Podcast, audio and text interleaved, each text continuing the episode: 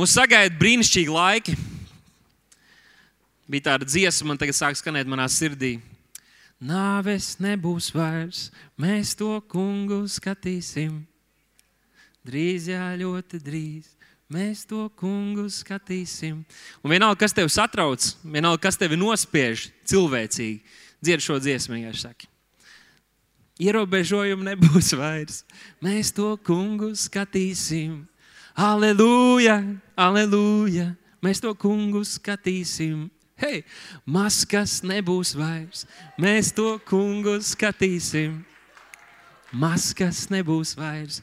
Mēs to kungu skatīsim. Iespējams, ka vienīgais mūsu draudzē bez maskas šobrīd, šobrīd esmu es, bet ir Dievs, kurš pilnībā ir atklājies, pilnībā darījis sev zinām. Halleluja! Un jā, viņš patiesi redz cauri maskām. Vakcīnas nebūs vairs. Mēs to kungu skatīsim.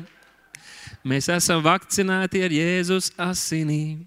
Mēs to kungu skatīsim. Grēku, ne, vai sauciet vēl kādas lietas, grēku nebūs vairs. Mēs to kungu skatīsim. Un bēdu nebūs vairs. Mēs to kungu skatīsim. Slimību nebūs vairs. Mēs to kungu skatīsim. Trūkuma nebūs vairs. Mēs to kungu skatīsim. Bailes nebūs vairs, mēs to kungu skatīsim. Nemiera nebūs vairs, mēs to kungu skatīsim. Aleluja! Ne tagad pavisam skaļi viss pasakām. Aleluja! Ale... Mēs to kungu skatīsim vēlreiz. Ale... Aleluja! Mēs to kungu skatīsim. Vēlreiz visam skaļi. Aleluja! Aleluja! Mēs to kungu skatīsim.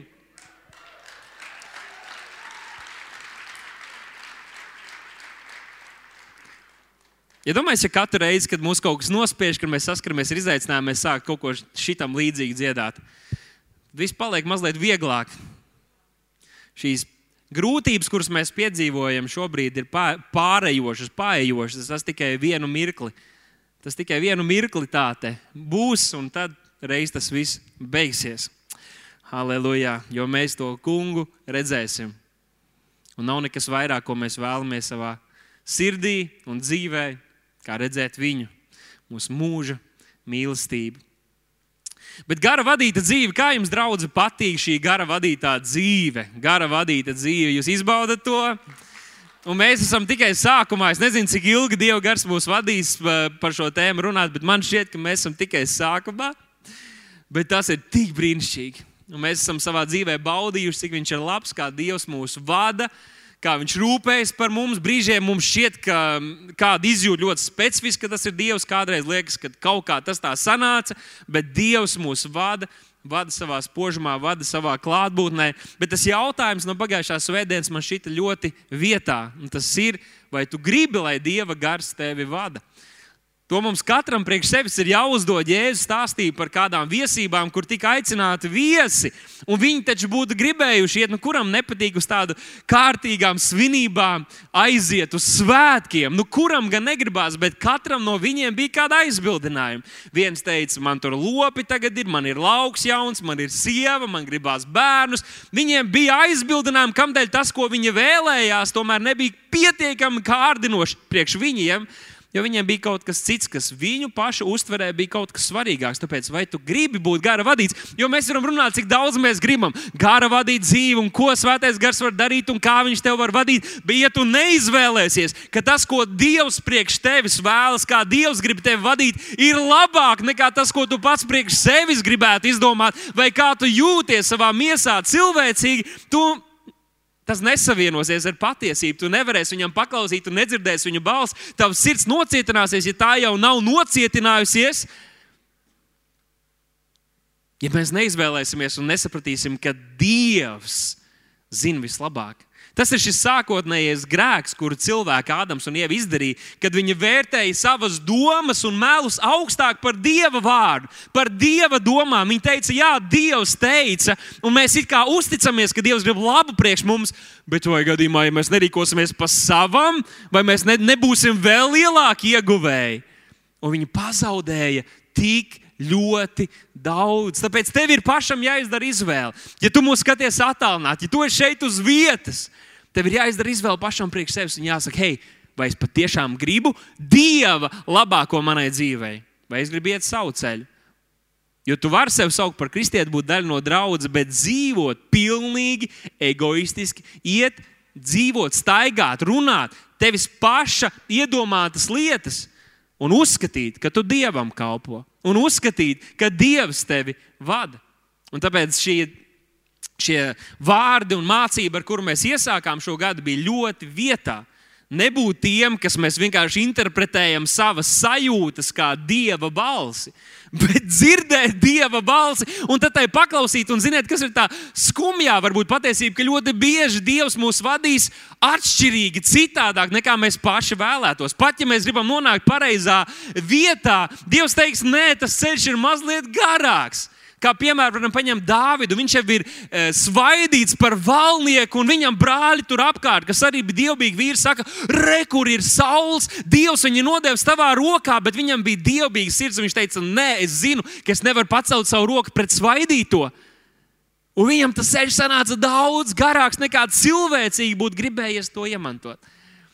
Tāpēc izlem pats priekš sevis, pati priekš sevis, vai es patiešām gribu būt dieva gara vadīts vai es gribu iet savu ceļu. Un arī tā, visdrīzāk, ka debesīs var nonākt arī tāds cilvēks, bet pārbauda savu sirdi. Tāpēc šodien es gribu runāt par tēmu GPS sistēma. GPS sistēma, kas būtu globālā pozicionēšanas sistēma, bet mēs šeit draudzē to pārfrāzēsim kā gara pozicionēšanas sistēma sistēma. Romiešiem 8,14 ir teikts, jo visi, ko vada Dieva gars, ir kas? Palīdziet man, ir Dieva bērni. Woohoo! Ja tu esi Dieva bērns, tevi vada Dieva gars. Tas ir apsolījums. Vai tu to pieņem? Bet kā ir ar tiem, kas mūsu vidū atrodas un saka, hei, bet es neesmu drošs, ka mani jebkad ir vadījis Dieva gars? Ir kādi, kas saka, es jau kādu laiku, vai es vispār nekad šeit neesmu dzirdējis dieva balsi. Vai varbūt tā, ka tad es esmu dieva bērns, ja es īsti nejūtu, ka dieva gars mani vada.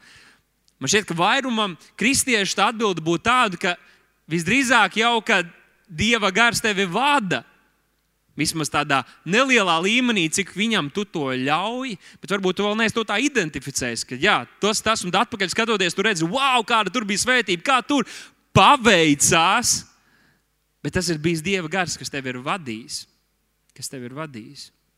Bet no otras puses, tā ir arī tāda kā atbildība. Mēs saprotam, ja mēs esam Dieva bērni, tas ne tikai ir apsolījums, bet arī atbildība, pienākums. Tad mums ir jābūt Dieva gara vadītiem. Jo, ja pats Dieva gars ir mūsu vidū, Viņš grib runāt uz mums, vai tas ir dievbijīgi, vai tas ir patiesi dievbijīgi cienīgi, ja mēs pilnībā ignorējam un neļaujam Viņam vadīt mūs. Ja Bībele atkal un atkal saka, ka Viņš to grib darīt, ka Viņš ir dots mūsu dzīvē, lai vadītu mūs. Nu šeit, ja mēs uzliktu tādu zelta standartu, tad tu esi Dieva bērns tikai tad, ja tu esi pilnībā, simtprocentīgi vadīts savā dzīvē. Vai kāds no mums tādā gadījumā būtu Dieva bērns? Varbūt tikai mācītājs. Jo viņš nu, simtprocentīgi vai 99% ir vadīts. Ja? Bet mēs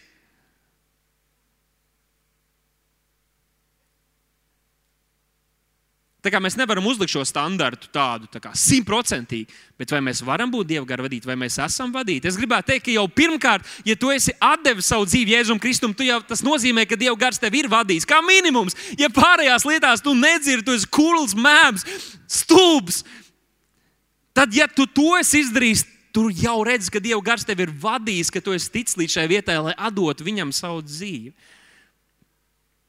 Bet es ticu, ka Dieva gars grib vēl vairāk iesaistīties mūsu dzīvē. Vēl vairāk. Un par to ir šī sērija. Par šo ir šīs svētdienas. Vēl vairāk. Un mēs kā draugi sakām, nāc, kungs, jēzus, bet mēs sakām, mēs gribam vēl vairāk ļaut svētajam garam darboties mūsu dzīvēm. Mēs gribam to. Un viņš apsola, visi, ko vada Dieva gars, ir Dieva bērnu. Un interesanti, ka šī pati raksturvieta ir kontekstā.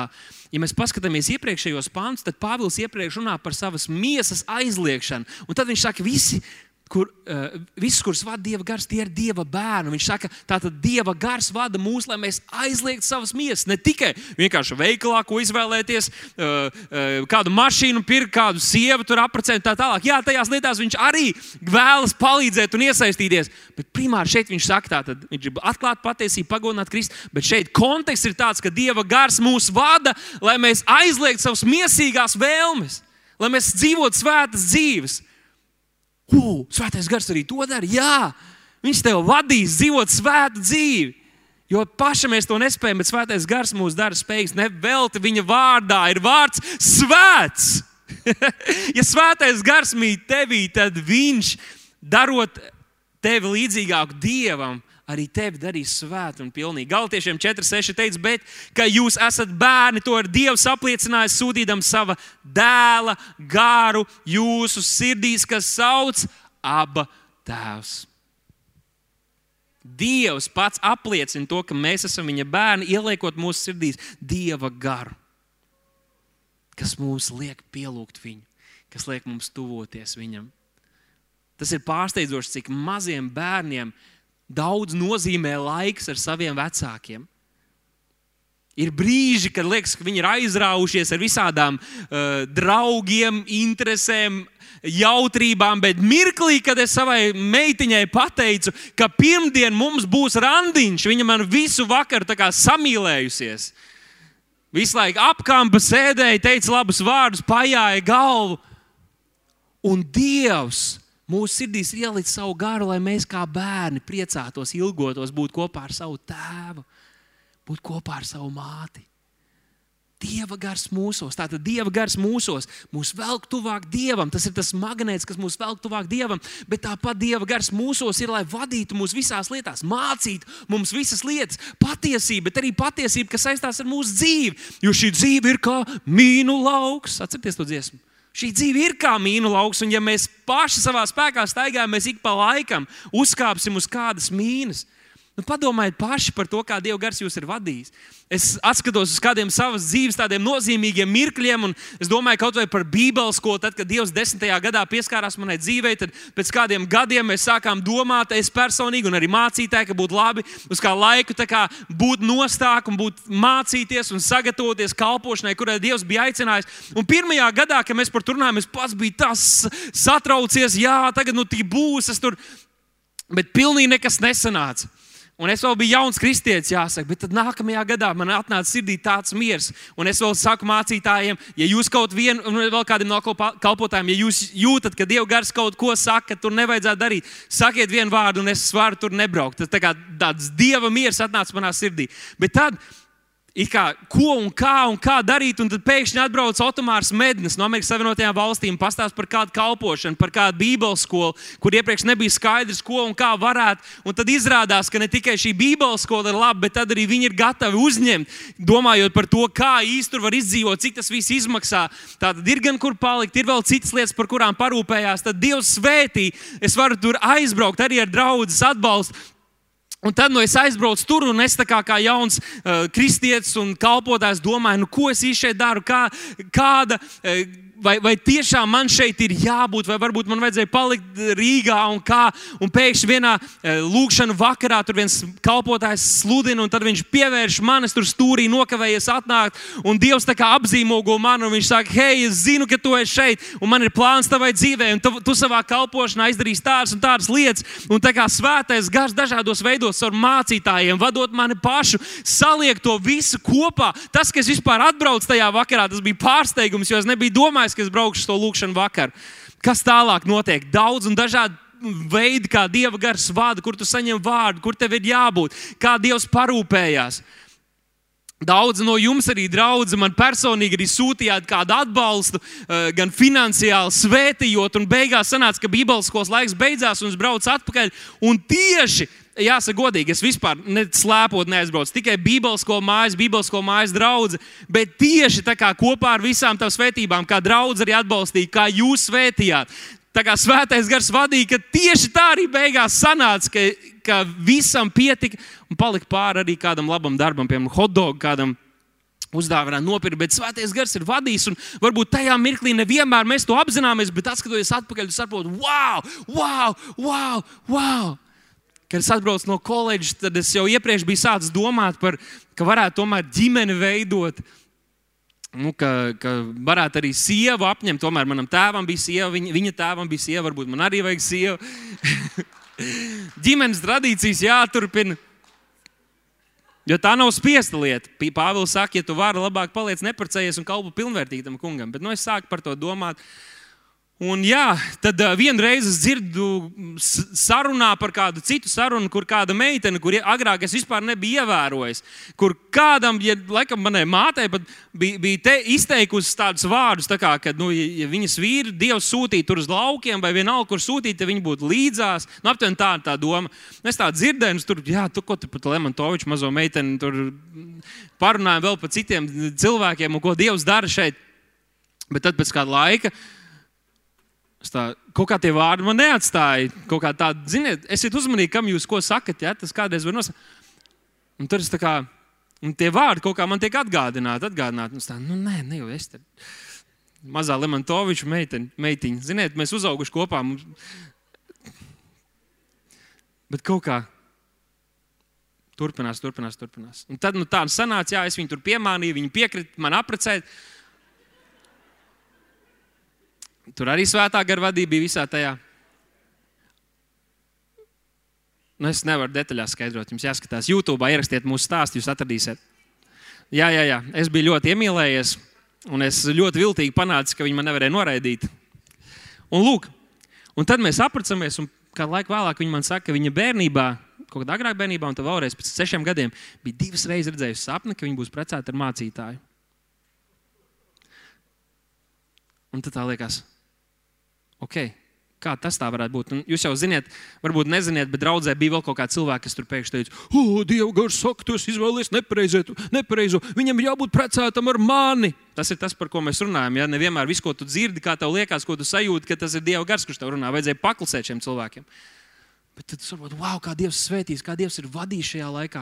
Mēs varētu runāt par bērnu audzināšanu, kaut vai tik personīgās lietās, kur tu arī brīžiem tu kā cirvis dari, kā tev liekas, kā ir pareizi, jo es esmu tēvs, un tad ir mirkli, tā klusā, maigā balss, kas tev saka, hei, aizej, atvainojies, aizej, samīlē kaut e, to sievu vai to meitiņu, paskaties viņai acīs, iziet ārā uz kaut kādu pusstundu un parunājieties divi tā. Un tu pēkšņi redzi, ka tas, kur tu biji izveidojis sienu, ka Dievs to kaut kā atver. Viens brīnumains notikums mums bija pirms kādiem, ja nemaldos, eh, gada vai diviem, kad mēs kafejnīcā eh, ar ģimeni pēc dievkalpojuma ēdām, un mums eh, Stefānija bija jau sajutusies tāda mazliet drosmīgāka. Tad nu, man kabinets ir augšā, 4. stāvā, jaunajā ēkā. Un, nu, viņi tā kā aizskrien, tāpēc mēs sakām, arī pēc dievkalpojuma vecāki jūs esat atbildīgi par saviem bērniem. Bērniem nevajadzētu skraidīt apkārt. Uh, tā man bija arī tā nopietna mācība, ko es, ko es guvu. Un, uh, tā bija karsta vasaras diena. Manā kabinetā bija atvērts dur, uh, lokus pavisam plaši vaļā. Un, viņi bija uzkrājusi augšā. Un, uh, manā kabinetā esot, viņi gribēja laikam paskatīties uz bērnu laukumu ārā pa logu. Un viņi bija uzkāpuši uz manu uh, krēslu, kurš ir kustināms uz ritenīšiem un liekusies ārā pa logu, kas nav pārāk droša lieta, īpaši 4. stāvā esot draudzē. Vēlams jau gribēja mani iznīcināt, tad, kad šo draugu sāka celt, un tagad manu bērnu. Un tieši tajā mirklī tur ir Olīte, kur kaut kāda trešo, ceturto aci no blakus kabineta pamana, ka tur tas mazais bērns ieiet, un viņai ir nemieris par to, kas tur notiek. Viņa aiziet tieši līdz durvīm šajā mirklī un izdodas apstādināt šo bērnu, lai tā liekšanās ārā pa logu nenotiek vēl trakāk. Un tajā, tajā reizē es nezinu, kas jūs uzrunājat dievkalpojumā. Es neatceros neko, kas tajā dievkalpojumā bija. Es vienkārši teicu, Dievs, tas ir tik labs jo es vispār neko nejūtu. Es tur biju aizņemts ar pusdienām un cilvēkiem, bet bija kāds, ko Dievs lietoja, lai pasargātu manu, manu bērnu.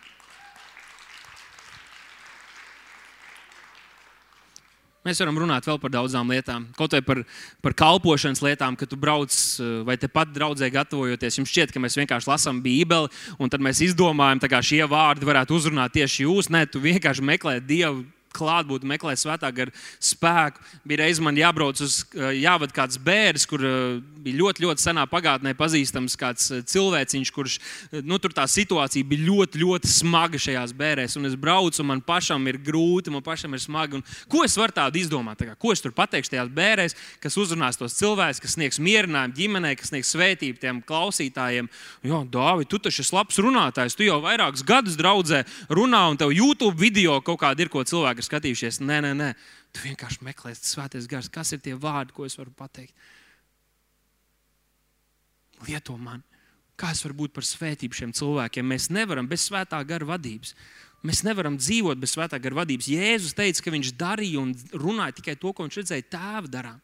Un runājam, un sakam, un ja mēs gribam dzīvot tiešām viņa gara vadītas dzīves, tad mums ir jābūt savienotiem ar viņu. Salmāna pamācības 3. nodaļā, 5. pantā, tur Salmāns saka, paļaujies uz to kungu no visas sirds un nepaļaujies uz sava prāta gudrību. Paļaujies uz to kungu no visas sirds. Nepaļaujies tikai uz savu prātu, uz savu cilvēcīgo prātu, savu sapratni. Nevelti Bībelē vairākās vietās Dievs saka, Dievs neskatās tā, kā cilvēks skatās, jo mēs redzam ārieni, bet Dievs redz sirdi. Un mēs kādreiz skatāmies uz cilvēku, mēs domājam, jā, viņam tur tāda vajadzība, par to mums vajag runāt, bet Dieva gars patiesībā saka, viņam ir cita vajadzība. Šī viņam vispār neinteresē, viņš ar to var sadzīvot, bet viņam ir kāds cits ieejas, eh, nu, tas lokus vai durvis, par kurām viņš var Kristu iepazīstināt ar viņu. Viņš saka, nepaļaujieties uz, uz, uh, tikai uz savu prātu, bet paļaujieties uz to kungu. Paļaujieties uz kungu, vērtējiet viņa prātu, viņa vārdu, viņa patiesību augstāk par to, kā jūs paši domājat vai jūtaties.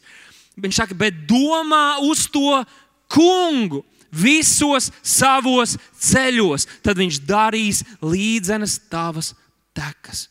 Domā uz to kungu domā uz to kungu. Tas nozīmē, domāt uz to kungu, nozīmē atzīt to, ka viņš ir, un atzīt to, ka viņa vārds ir augstāks, ka viņa vārds ir svarīgāks, ka viņa vārds ir patiesāks par mūsu pašu domām, izpratni, ceļiem.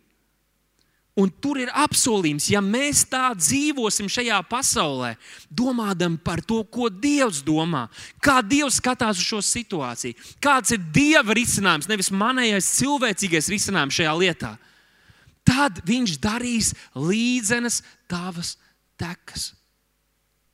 Ja tu esi gadiem ilgi staigājis kā pa kalniem, Nav nekas līdzenis tavā dzīvē. Varbūt te vajag aizstāt savu cilvēcīgo sapratni. Un prāts ir laba lieta, bet sāk domāt par dieva līmenī. Sāk domāt, Dievs, kāds ir tavs prāts? Atklāj, vadi, palīdz, lai es varu saklausīt. Septītais pāns. Nelieciet sev pārmērīgi gudrs esam. Atzīst to, ka tu neesi gudrākais cilvēks telpā. Arī tad, kad tu esi viens pats savā istabā bet bīsties to kungu un vairies no ļauna. Bīties nozīmē turēt viņa domas augstākas. Ja?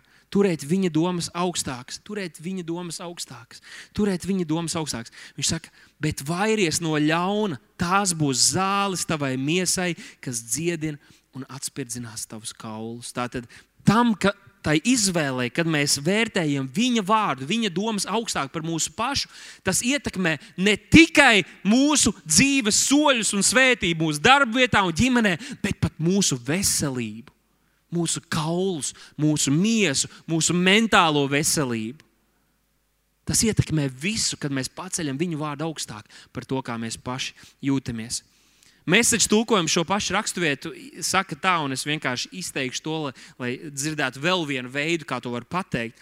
Un tur rakstīts, uzticies Dievam no savas sirds dziļumiem, necenties visu izprast paša spēkiem. Klausies uz Dieva balsi visā, ko dari, un visur, kur tu ej. Viņš būs tas, kurš noturēs tevi uz pareizā ceļa nepieņem, ka tu visu saproti pats, bet skrien pie Dieva, bēdz no ļauna. Tavs ķermenis mirdzēs veselībā, un tava paša kauli vibrēs dzīvībā. 32. psalmā, 8. pantā, psalmis saka, ja Dievs viņam saka, es tevi mācīšu un rādīšu ceļu, pa kuru tev jāsteigā. Pirms kādiem gadiem uh, man meitiņa piecēlās no rīta, un es viņai prasīju, nu, ko tu sapņoji. Viņa teica, Jēzus viņai teica, ka, viņš, ka Dievs man rādīs ceļu, un es pa to ceļu iešu. Un tā lieta, par kuras re, regulāri vēl aizvien kopā ar viņu lūdzu. Tātad mācīšu un rādīšu ceļu, pa kuru tev jāstaigā. Es pār tevi turēšu nomodā savu acu. Pasakādam savu blakus sēdošiem, tu esi Dieva acu Tie, kas uzticas Dievam, tie, kas uztic Dievam, tie, kas vērtē viņu, Dievs viņiem rāda ceļu. Rāda ceļu, un tad viņš uzmana viņus. Uzmana. Hop, dēls! Tur labāk iet pa to ceļu.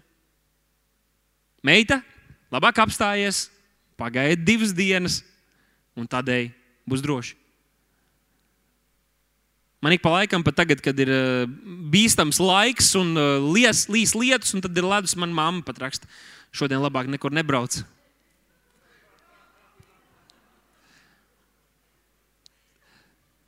Vai tu iesildīji mašīnu pirms bērnu uz bērnu dārzu?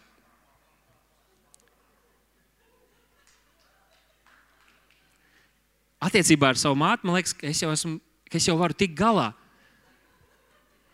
Bet, ja manai mammai ir tāda rūpe par mani, jau tagad, kad es esmu goda tēvs,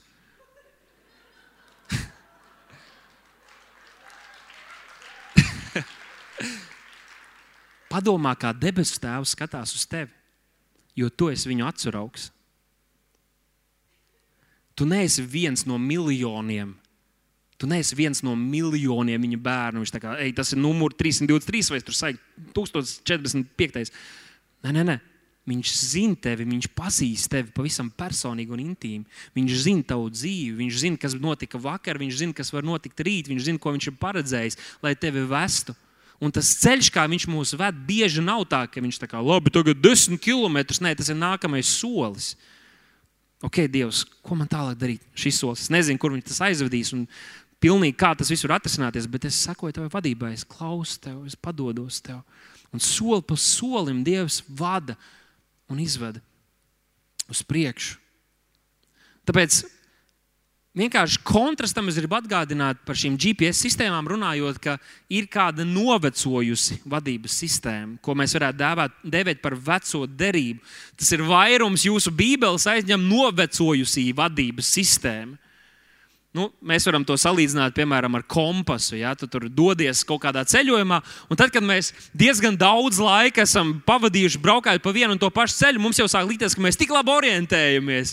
Bez problēmām var atrast jebkuru vietu, kas draudzē uz mājām, aizbraukt uz veikalu, aizbraukt. Bet tad, kad brauc kādu jaunu vietu, kur tu īsti nezini, kas un kā, nu, viens variants ir ņemt kompasu.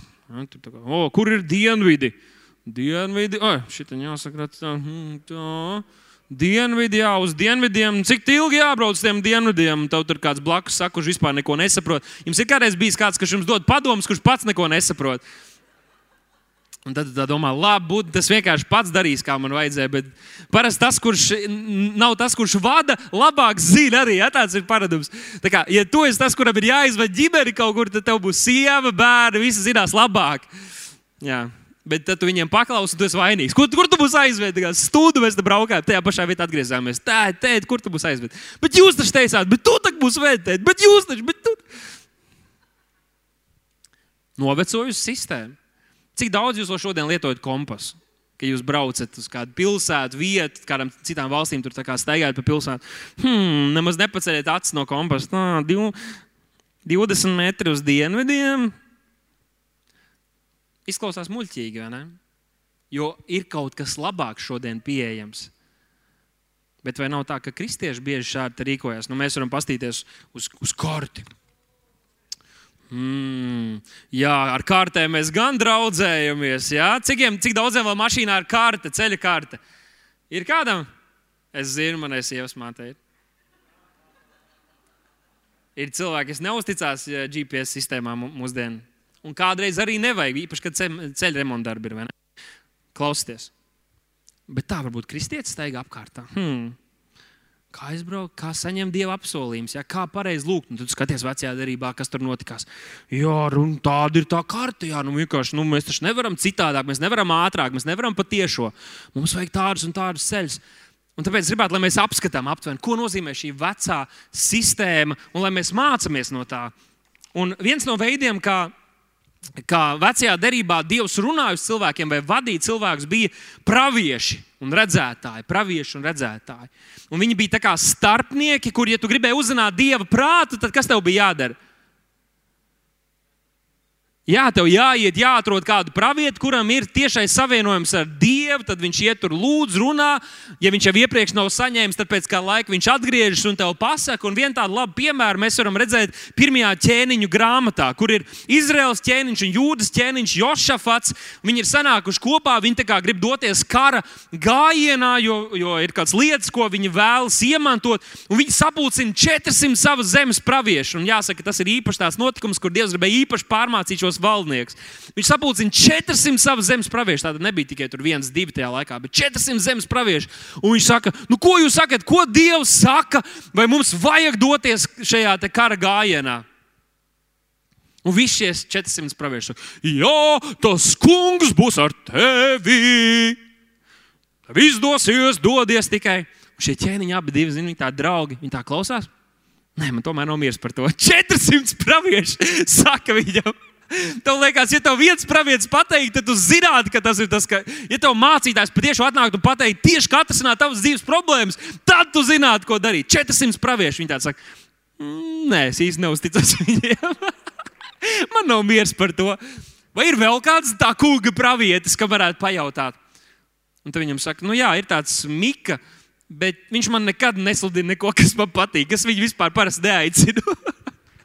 Bieži ir tā, ka cilvēki arī nāk uz konsultācijām, grib parunāt ar mācītāju vai kādu kalpotāju, bet viņi zina, kas ir aptuveni patiesība, bet viņi cer, ka tu pateiksi, ka tu neteiksi patiesību viņiem. Un tad, kad tu pasaki patiesību, ko viņi jau zina, ka tā ir patiesība, tad viņi ir apvainojušies.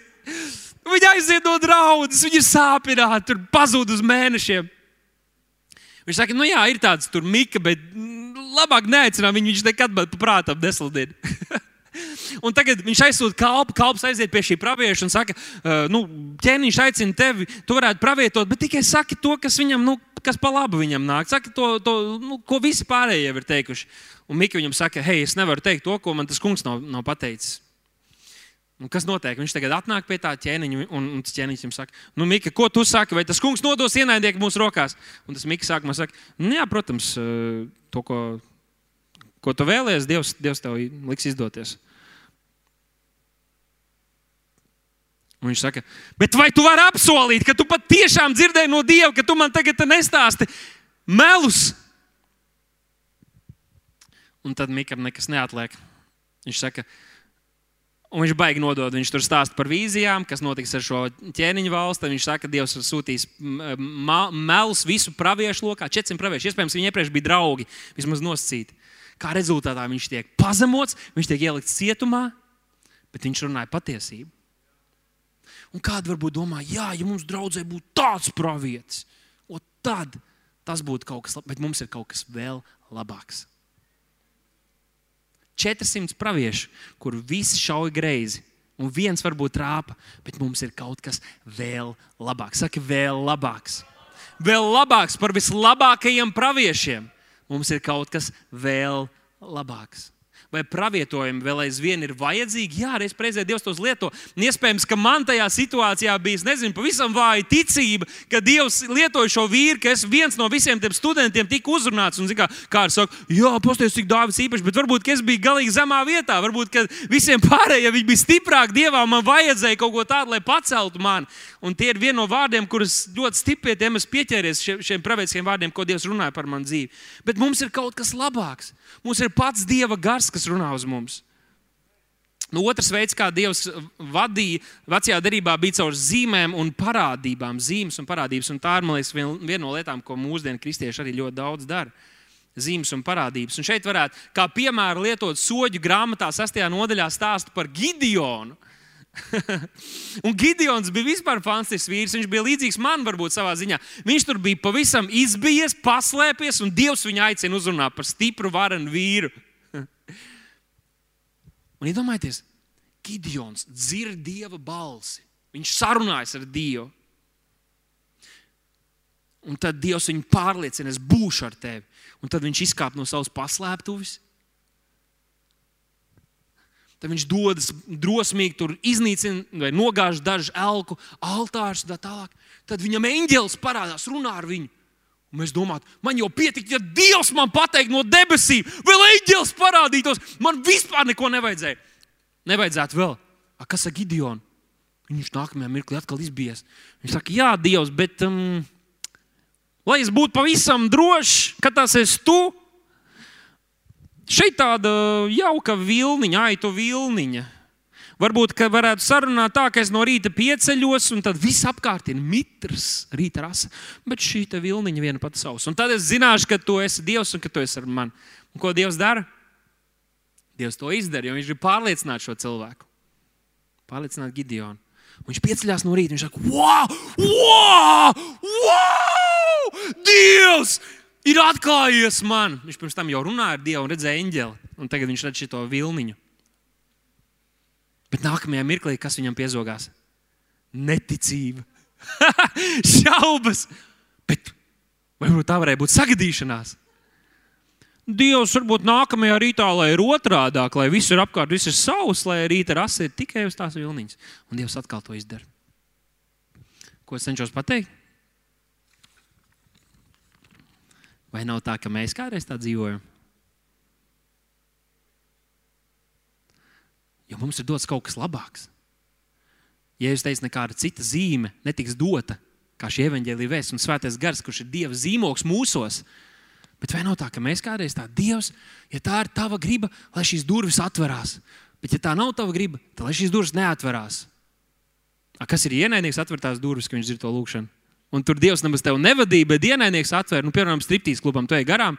Tā kā Dievs, ja kaut kāds durvis atvērsies, tad es iešu tur un vēlams pām izpēr durvis.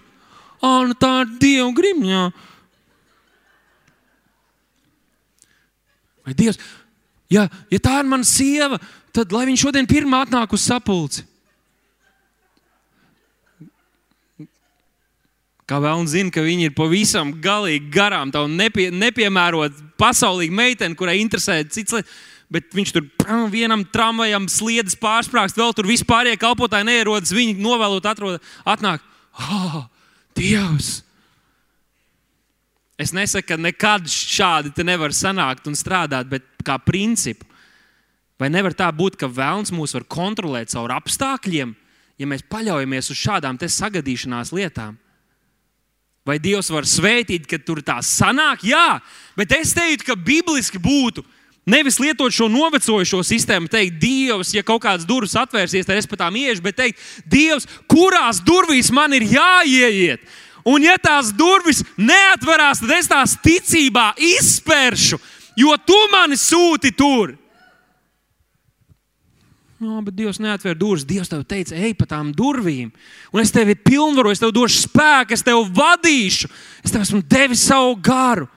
Neviens nevarēs stāvēt tev pretī. Un, ja pat gribēs stāvēt pretī, nevarēs stāvēt pretī, bet gribēs stāvēt pretī, bet nevarēs stāvēt pretī, jo es esmu ar tevi, es tevi neatstāšu, es tevi nepametīšu. Un kādam tas šodien ir jādzird?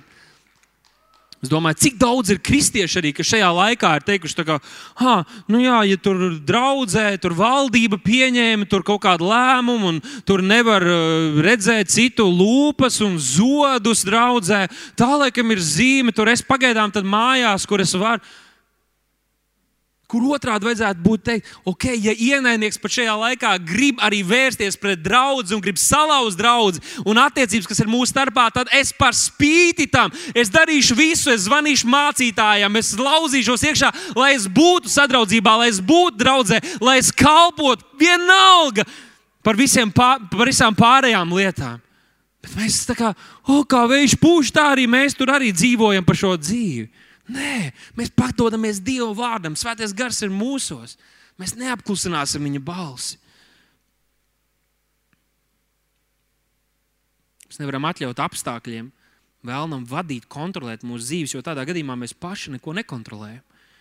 Jā, ņemot ģēlī desmitajā nodaļā, Jēzus teica, manas avis dzird manu balsi. Viņš saka, es tās pazīstu, un viņas man seko. Un šis vārds pazīst runā par ne tikai tādu intelektuālu, es tur Es zinu, es zinu Gati, ja?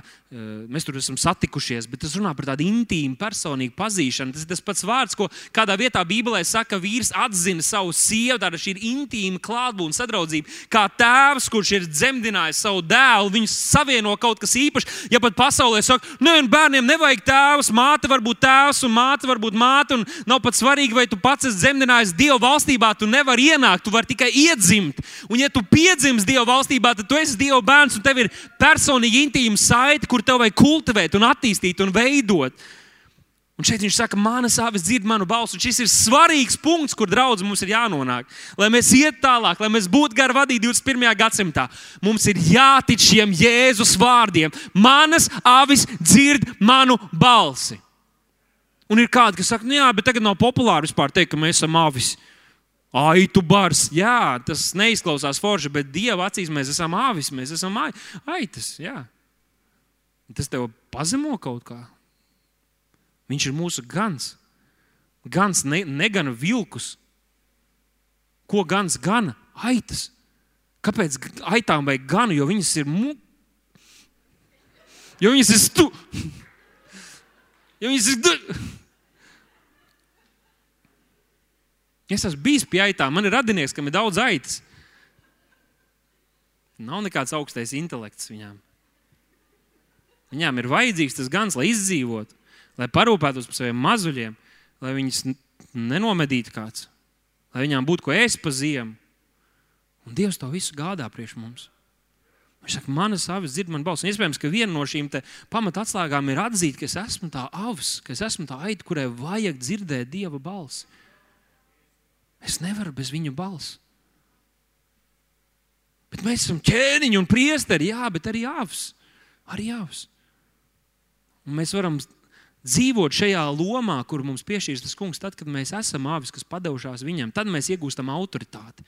Tad mēs iegūstam gudrību, ne savējo, bet viņa gudrību. Un tāpēc tev šodien pasaki, ierakst to savā sirdī. Un svētais gars to jau ir izdarījis. Es vienkārši apzīmogoju to, ka tu dzirdi, tu vari dzirdēt Dieva balsi. Es zinu, ka mēs par to esam runājuši kaut kad, bet pasak to priekš sevis. Es varu dzirdēt Dieva balsi. Es varu būt gara vadīts. Nu, kā tas var izskatīties? Nu, ka, ka kāds tev zvana, telefonā zvana tev uh, no svešas zemes. Ja? Un tu redz, ka tas ir numurs, kur tu nepazīsti. Tavs telefons to nepazīst. Varbūt pat uh, šis uh, zvana kvalitāte ir bojāta, traucēta. Bet tu pacēli Un pieņemsim, ka tur otrā galā runā tava mamma vai tavs tēvs. Tev nevajag, lai viņš tur daudz dažādos veidos. Jā, bet kad man ir dzimšanas diena, jo tu uzreiz atpazīsi viņu balsi. Bet kur man, kurā vietā man ir dzimuma zīme, ko neviens nezina? Jo tu atpazīsti viņa balsi. Tā kā tu dzirdi viņa balsi, tu atpazīsti viņa balsi. Un tāpat Jēzus saka, mēs atpazīstam viņa balsi. Mēs atpazīstam, tu atpazīsti viņa balsi. Vai tev ir jāmācās atšķirt, vai tev jāmācās paklausīt? Jā, Tas ir šis process, atjaunošanās, jo es teicu, ir tie dažādi arī vadības līmeņi. Kāds var tādā pamat līmenī, tikai pašas paš izdzīvošanas lietas, bet kāds, kurš var staigāt, dzirdot Dieva balsi, un tiesam mēs, draugi, prieka vēsts. Ja tu esi draudzē prieka vēsts, attālināt vai klātienē, mēs esam izvēlējušies tie būt. Mēs gribam dzirdēt Dieva balsi. Man jāskrien uz priekšu. Ebrejiem 8, 10. Tur iepriekš runāts par Jēzus kalpošanu, bet šeit viņš um, runā šis vēstules autors runā par šo derību, kurā esam mēs. Tā ir šī uzlabotā, ko es līdz arī runāšu. Un lasīsim kopā. Viņš saka, šī ir tā derība, ko es celšu Izraēla namam pēc šīm dienām, saka tas kungs. Es likšu savus baušļus viņa prātā un tos rakstīšu viņu sirdīs. Tāpēc tas, kad mēs dzirdam patiesību, ja pat tā ir sāpīga, tā atbalstos mūsos, jo mūsu sirdīs jau ir ierakstīti šie Dieva vārdi. Un būšu viņiem par Dievu, un viņi būs man par tautu. Mēs esam jauns radījums, mēs esam jauni cilvēki. Mēs neesam esam tie, kas mēs bijām. Mēs esam Dieva bērni. Un to apzīmogot svētā gara klātbūtne mūsu dzīvēm. 11. pāns. Un viņi nemācīs katru savu tuvāko un brālis, brālis sacīdam, atzīst to kungu, jo visi mani pazīst no mazā līdz lieliem. Tātad, vai tu esi jauns kristietis vai vecs kristietis, vai tu jau esi 20 gadus draudzē, vai tikko ienācis draudzē, vai tikai interesējies. Dievs saka, ka tu pazīsi viņa balsi. Tu pazīsti viņa balsi. Viņš saka, jo es būšu žēlīgs viņu netaisnībām un viņu grēkus vairs nepieminēšu. Mēs paši visu laiku atceramies savus grēkus, bet Dievs saka, es nepieminēšu viņu grēkus. Viņi staigās brīvi no grēka. Bet ko mēs redzam šajā raksturvietā? Katrs savu tuvāko, un kāds kā saka, jā, mums nevajag, mums kāds kaut ko mācīs, bet es ticu, ka šī raksturvieta runā par to, ka nebūs vairs tāda laika, kad mums vajadzēs. Nu, es jums stāstīšu par savu dievu, tā, tā būs. Es tev pastāstīšu par savu dievu. Un tad, tu esi lūgšanā, tu saskarsies ar izaicinājumiem, teiks, Dāvida dievs, palīdzi man, tas dievs, kuru Dāvids pazīst. Jo Dievs saka, es katram atklāšos personīgi. Es katram atklāšos personīgi. Kalpošanas dāvāns ir vajadzīgs, tās ir svarīgas, bet viņš grib tev atklāties personīgi. Ne tikai lai tu dzirdi, ko mēs zinām, ne tikai lai tu zini, ko, ko tev kāds pasaka, bet lai tev ir tā, wow, Dievs man šodien pateica. Vai es šodien Šodien man uzrunāja Bībelē tā un tā lieta. Tagad ļoti ātri uz priekšu. Sacīdams, jauns, viņš pirmo ir atzīts par vecu, bet kas kļūst vecs un noveco, tas ir tuvu iznīkšanai. Okay. Uzlabotā vadības sistēma. Jūs esat sajūsmināti par uzlaboto vadības sistēmu. Tāda vairs ne komposi, vairs ne kartes un globusi, bet uzlabota, mūsdienīga, moderna vadības sistēma. Pirmkārt, Dieva vārds. Pasaka, Dieva vārds. Tā ir gultne, tā ir mēraukla. Dieva gars nekad tevi nevadīs rīkoties pretēji tam, ko Dieva vārds māca. Un mums jāskatās dievvvārds kopumā. Tu nevari izlasīt vecajā derībā, jā, tur tā viena sieviete ielīta tam vīram zem, zem segas, un tā viņa kļūst tā par vīru un sievu. Tā kā skatīsimies, ko dievvvārds māca par laulību, par attiecībām un tā tālāk. Bet Dieva vārds, kā, jā, es ar tā izdarīšu, aiziet uz kaut kādu pirts tusiņu, ielienu džekam zem segas, kā, bet uz bibliski rīkojos. Nu, tur mazliet gudrības arī vajag.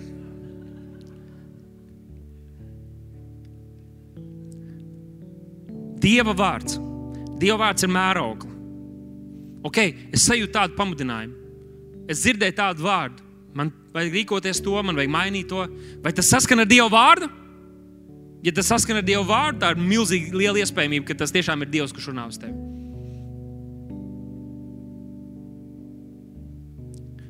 Bet Dieva vārds nav tikai mēraukla.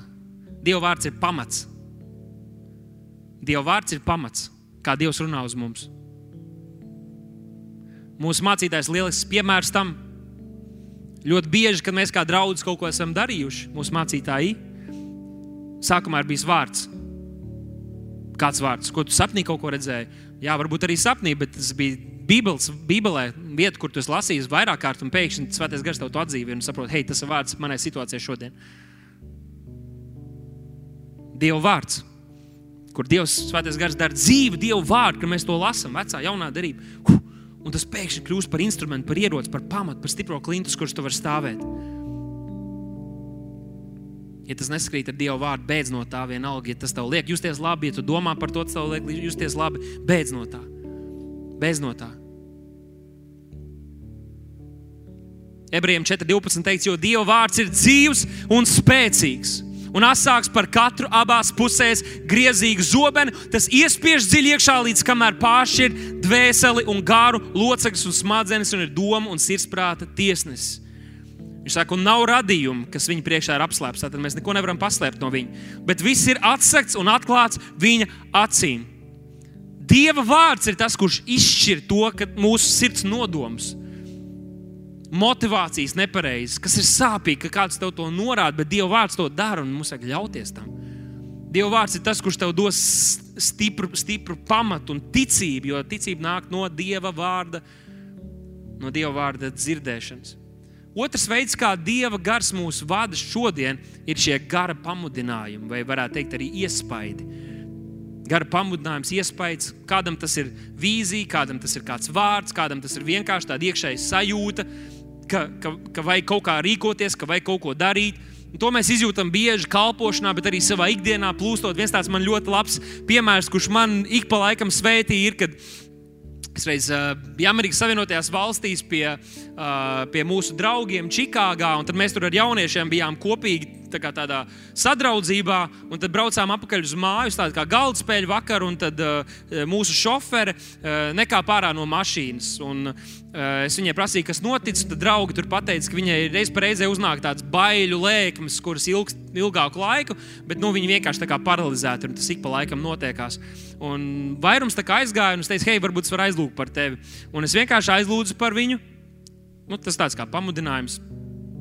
Un tad es iegāju iekšā, tāpēc kā laika viņi ienāca iekšā, un pēc kādiem trīs gadiem es saņēmu uh, vēstuli no viņas Facebookā, ka kopš tās dienas šīs lēkmes viņai vairs nav nereiz atkārtojušās. Tāds vienkārši slavu Dievam! Tāds vienkāršs pamudinājums, un mēs visi to ik pa laikam jūtam. Es parunāju ar kādiem no jums, ar, eh, no, no draudzes cilvēkiem, un mēs dzirdam par šādiem mums pašiem personīgi, par attiecībām ar cilvēkiem, kuriem mēs saskaramies. Man ir eh, kāds draugs, kurš vispār redz to savu darbu vietu un vidi kā tādu vietu, kur viņš kalpo cilvēkiem. Viņš tic, ka Dievs tā kā paver, ka viņi nāk un viņš var kalpot un būt svētā gara vadīts. 1. Jāņa 2.20 saka, un jums ir svaidījums no svētā, un jūs zināt visu, bet Kings James, kur mūsu mācītājs bieži citē teiktu, un jums ir pamudinājums no svētā gara. Jums ir šis pamudinājums no svētā gara. Jā, šī klusā balss, šis jā, man vajadzētu, varētu, vīzijas, sapņi.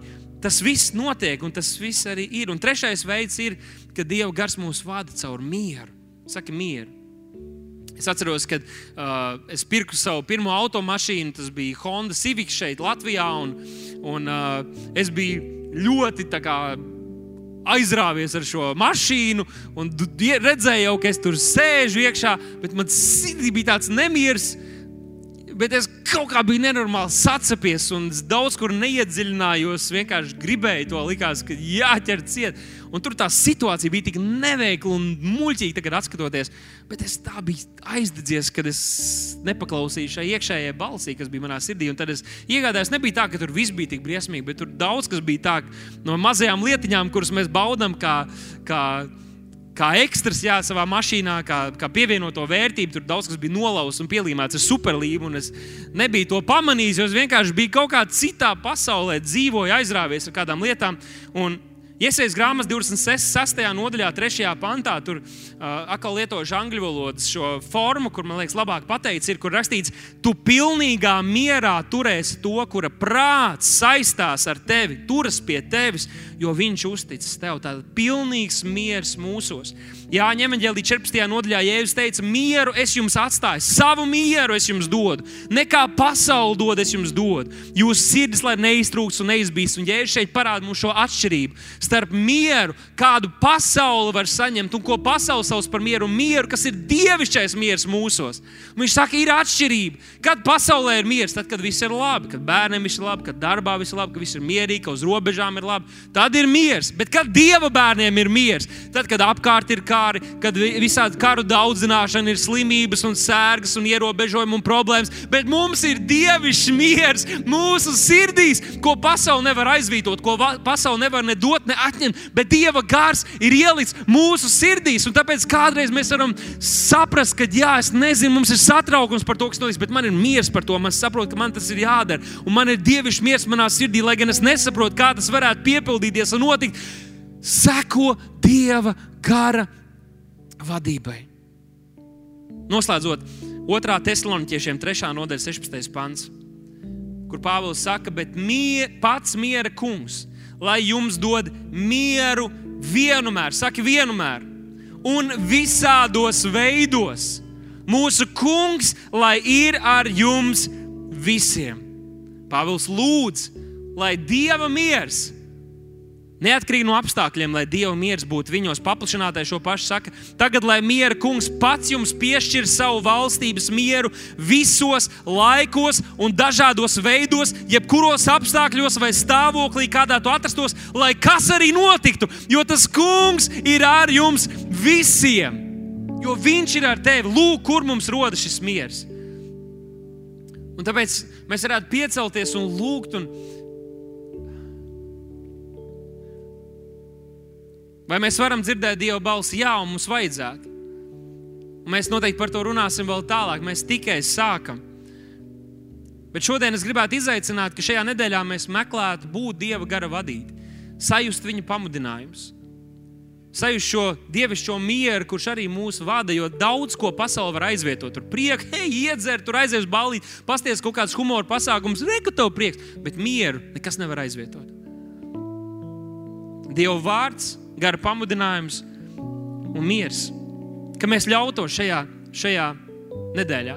Un varbūt tie, kas tā īpaši grib še, uz šo vārdu atsaukties, es iedrošinātu, ka varbūt tu paņem to savu dienas grāmatu, vai kalendāru, vai pat telefonu un uztaisīsi atsevišķu failu, kur tu pieraksti tajā dienā, kur tu sajūti kaut kādus pamudinājumus, kur Dieva vārds tev saprot, ka tev uzrunā tajā dienā vai nedēļā kaut kā rīkoties un pierakst to, un tad paklaus to. Varbūt jau no rīta, savā lūkšanā laikā, tu sapratīsi, hei, man tur vajadzētu to izdarīt, vajadzētu to izdarīt. Tas var būt kaut kas ļoti garīgs, kaut kas ļoti negarīgs. Un pēc tam pierakst arī, kāds bija rezultāts tam, kas notika. Un, ja tev sanāca, ja tur bija labas sekas, tad tas bija Dievs. Ja nebija, tad visdrīzāk tas bija no tevis.